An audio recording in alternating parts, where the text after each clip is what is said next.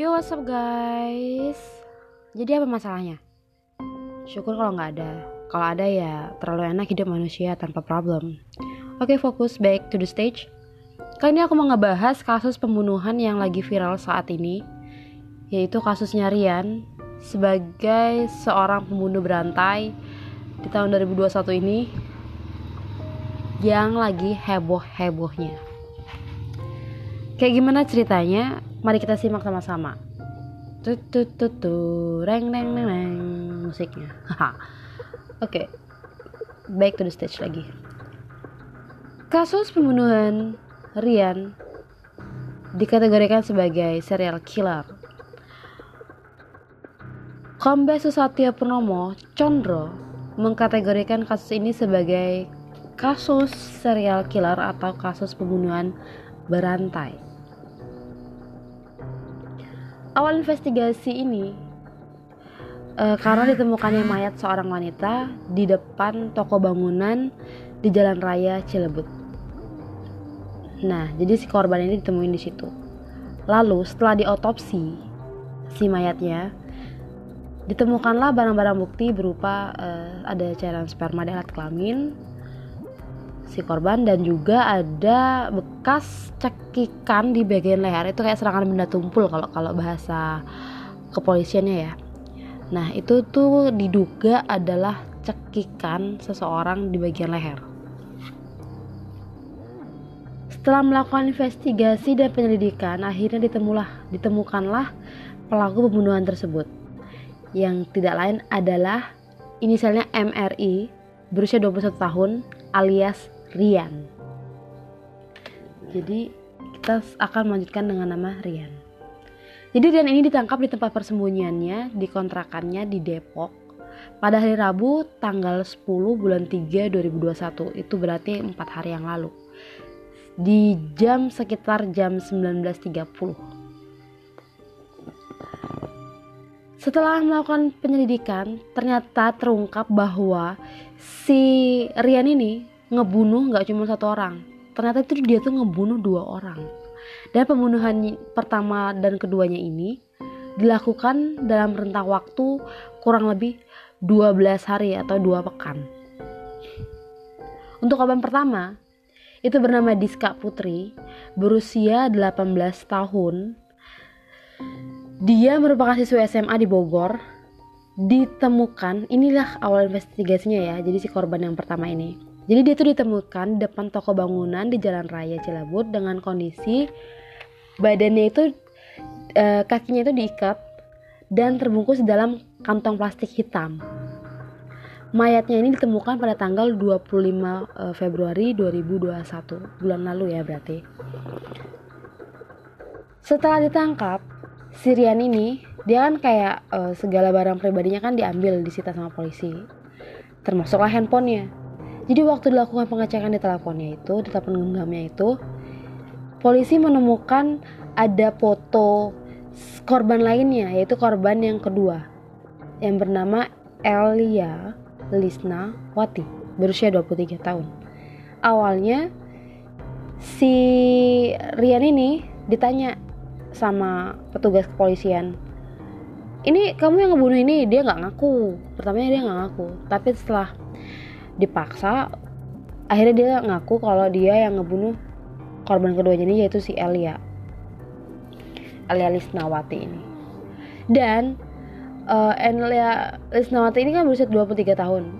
Dia tuh ditemukannya tuh di tempat yang berbeda yaitu di kebun kosong di area pemakaman keramat Mbah Aryo Gunung Gelis Kampung Cidadap Desa Pasir Angin Megamendung Kabupaten Bogor pada tanggal 10 bulan 3 2021 hari Rabu. Nah, untuk di pembunuhannya sendiri, jadi korbannya ini kayak uh, dicekik terus dimasukin ke dalam kantong hitam. Terus dia tuh udah nyewa tas gunung dari temennya untuk ngebawa mayatnya itu tadi. Jadi mayatnya dimasukin ke dalam tas gunung. Terus dia naik motor, pergi dia pergi ke tempat lokasi pembuangan mayatnya. Yaitu tadi yang uh, yang pertama tadi di depan toko bangunan, di Jalan Raya Cilebut. Terus yang satunya lagi dibawa ke kebun kosong di daerah hmm, Cidadap, Kampung Gelis, uh, Gunung Gelis sorry. nah setelah itu kan polisi nanya nih motif-motif dia uh, ngebunuh apa sih gitu dan ini nih hal yang paling mengejutkan ternyata motif ngebunuh dia tuh cuman karena dia nggak suka perempuan lucu ya. Apa jangan-jangan dia homo guys? Nggak. Nggak tahu juga maksudnya. Mungkin dia homo atau dia pernah ngerasa sakit hati sama perempuan ya nggak tahu. Nah setelah itu guys uh, setelah ditanya dia motif pembunuhannya itu kenapa kenapa dia ngebunuh orang itu yang karenanya katanya dia karena dia nggak suka perempuan. Yang lucunya tuh uh, cara dia buat ngedapetin korbannya ini ternyata melalui open bo gila nggak? Dia bilang dia nggak suka perempuan tapi dia open bo gitu. Jadi dia tuh ngajak ketemuan perempuan itu tadi di salah satu hotel di daerah puncak. Jadi korban ini dua-duanya itu diajak ke hotel itu sama hotelnya. Cuman beda waktu sama kamarnya doang. Kayak gitu dia bilang dia nggak suka perempuan men tapi dia ngajakin open bo Nah pada waktu open BO itu namanya open BO itu kan biasanya kan pasti bayar ya. Jadi dia tuh diiming-imingin duit korbannya ini bakalan dikasih duit satu juta buat uh, ketemuan itu tadi. Nah setelah itu setelah puas dia itulah dia melancarkan aksinya tadi dengan cara mencekik kedua korbannya, mencekik leher kedua korbannya.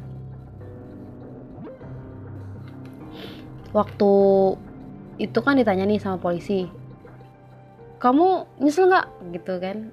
Kamu ngerasa bersalah nggak? Gitu. Terus dia jawab merasa bersalah. Tapi muka dia itu muka dia itu bener-bener yang datar kayak nggak ada ekspresi nggak ada nggak ada eh, raut-raut atau rona-rona penyesalan di mukanya tuh. Jadi kayak biasa aja gitu. Ini beneran manusia psycho banget dah. Psikopat asli. Jadi waktu ditanya sama polisi kamu nyesel? Nyesel. Terus jawabannya cuma kayak yang abis ngebunuh pulang terus ngerasa bersalah. Dia cuma jawab kayak gitu. Jadi emang bener-bener nggak ada kayak rasa-rasa penyesalan dalam diri dia tuh nggak kelihatan. Dia cuma sekedar ngomong dia nyesal tapi tapi untuk raut wajah dan cara bicara dia juga nggak ada nunjukin sama sekali gitu. Biasanya kan kalau ciri-ciri psikopat itu emang kayak gitu ya. Dia dia bener-bener kayak uh, dingin banget gitu terus mukanya yang datar tanpa ekspresi gitu. Bener-bener psikopat nih ini bocah bener-bener psikopat. Asli. Terus uh, sekarang dia mendekam di uh, penjara di daerah Bo penjara di Bogor, di Bogor yang pasti. Nah guys itu ada cerita kasus pembunuhan yang lagi viral minggu ini. Jadi buat kalian semua please hati-hati. Apalagi ini anak yang mati masih SMA umur 18 dan dia open BO oh my god nih dunia apaan sih? Anak kecil udah open BO gitu belum. Masih SMA gitu coy. Udah open BO aja nih bocah. Akhirnya dia bakal akhirnya dia kehilangan nyawa oleh orang yang nggak dia kenal. So buat teman-teman semua emang benar-benar harus hati-hati ya buat orang yang baru kalian temuin di sosial media oh itu danger banget bahaya. Banyak banget kasus-kasus yang terjadi. Orang mati karena kenalan sama orang yang nggak dikenal lewat sosmed. Baru ketemu terus tiba-tiba mati kabarnya. Udah kayak ngantar nyawa aja. Nanti aku pak aku panggil jangan-jangan ini si Martin nih kerjaannya nih. Martin Fernalta ah udah garing. Kalau yang tahu sih asik. Yang nggak tahu Fernalta ya udah garing deh. Oke okay, guys. See you on next story. Enjoy ya. And jangan pusing-pusing. Bye. Thank you